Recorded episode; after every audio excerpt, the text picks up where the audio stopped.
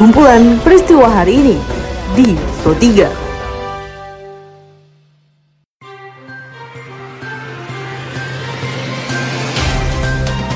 Halo pendengar, selamat berjumpa kembali di podcast Pro 3 RRI. Seperti biasa, pada podcast kali ini saya akan mengulas isu-isu aktual yang masih hangat atau ramai diperbincangkan di sekitar kita. Tentu saja pendengar nanti akan ada cuplikan informasi dari reporter kami. Bersama saya Karisma Rizky, inilah kumpulan peristiwa Pro 3 di ruang dengar podcast Anda. Pendengar, sebelum saya masuk ke dalam beberapa isu aktual yang akan saya hadirkan sesaat lagi, saya akan mengundang Anda untuk mampir ke laman berita kami di rri.co.id. Anda juga bisa memfollow dan berkomentar di sosial media kami di Instagram, Twitter, dan Facebook dengan mengetik at RRI Programa 3 di kolom pencarian Anda.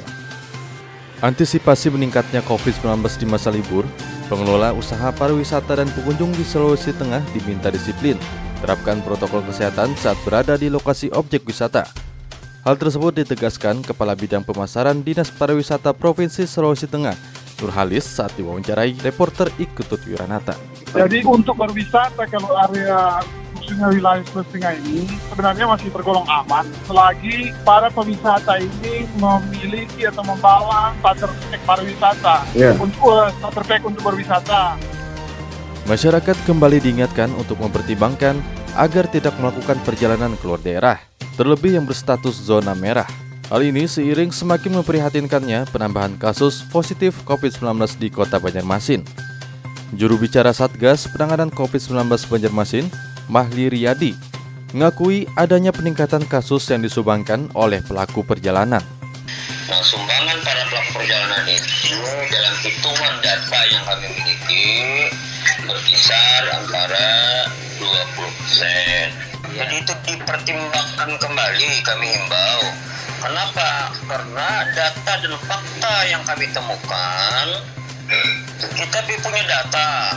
Bahwa data itu oh datang dari mana? Itu kan hasil dari kontak eh, tracing yang dilakukan oleh kontak tracer. Setelah melakukan eh, tracer pada eh, yang positif ya ternyata ber- Libur Natal 2020 dan Tahun Baru 2021 diharapkan tidak menjadi klaster baru dalam kasus COVID-19 yang masih melanda Indonesia. Penerapan protokol kesehatan pun tetap harus dilakukan, baik oleh pengelola wisata hingga pengunjung tempat wisata. Seperti yang dikutip laporan reporter ini Herani, juru bicara Satgas Penanganan COVID-19 Wiku Adhisa Smito meminta kepada masyarakat untuk tetap mematuhi syarat perjalanan selama libur Natal dan Tahun Baru.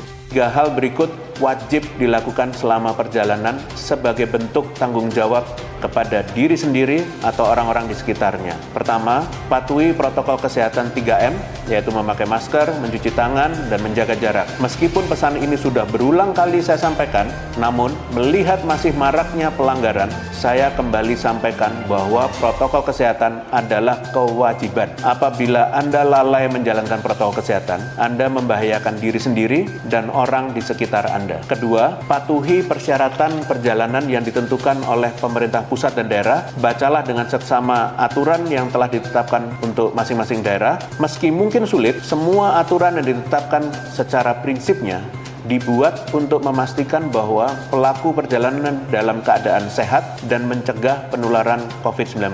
Ketiga, cari tahu dan pastikan kondisi COVID-19 dan fasilitas kesehatan di daerah tujuan itu memadai. Hindari melakukan perjalanan ke tempat dengan kasus COVID-19 yang masih tinggi dan fasilitas kesehatannya terbatas. Saya meminta kepada masyarakat untuk mematuhi seluruh peraturan dan persyaratan yang berlaku terkait perjalanan di tengah pandemi sehingga penularan betul-betul dapat dicegah. DPRD Daerah Istimewa Yogyakarta mengusulkan kepada Gubernur DIY Sri Sultan Hamengkubuwono X agar perlunya mempertimbangkan peluang pemberlakuan PSBB di DIY. Hal tersebut dikatakan Wakil Ketua DPRD DIY Huda Triduwiyana saat dikonfirmasi reporter Wurida Marianti. dalam waktu sebulan kenaikan kasus ini sama dengan kenaikan kasus dari awal sampai akhir kan ini kan luar biasa dan kita lihat kapasitas rumah sakit kita sudah eh, sangat berat ya. jadi saya kira memang yang paling penting kita lakukan sekarang langkah-langkah yang extraordinary jadi memang ya gimana new normal ini ya memang kalau kemudian ter- terjadi kenaikan yang luar biasa kita harus kendalikan dulu kendalikan dulu dengan rem pergerakan manusia itu kira. Jadi DIY sama sekali belum pernah apa, melakukan eh, pembatasan-pembatasan apa pun selama ini terkait apalagi PSBB belum pernah. Nah mungkin sekarang kita pertimbangkan perlunya uh, pembatasan yang sifatnya sangat ketat. Kita tahu sekarang ini rumah sakit masih cukup, kamarnya masih ada, tapi cukupnya dalam tanda petik ini cukup jangan sangat cukupnya terpaksa, bukan cukupnya longgar ya. Kita lihat di dulu kita segala macam satu kamar dua tiga orang, empat orang, satu kamar dihuni lima orang itu sudah biasa di sana ya di tempat-tempat rumah sakit uh, isolasi eh, isolasi isolasi covid itu tidak kemudian uh, isolasi yang betul-betul isolasi tapi Pendengar, informasi tadi mengakhiri perjuangan kita pada podcast edisi hari ini.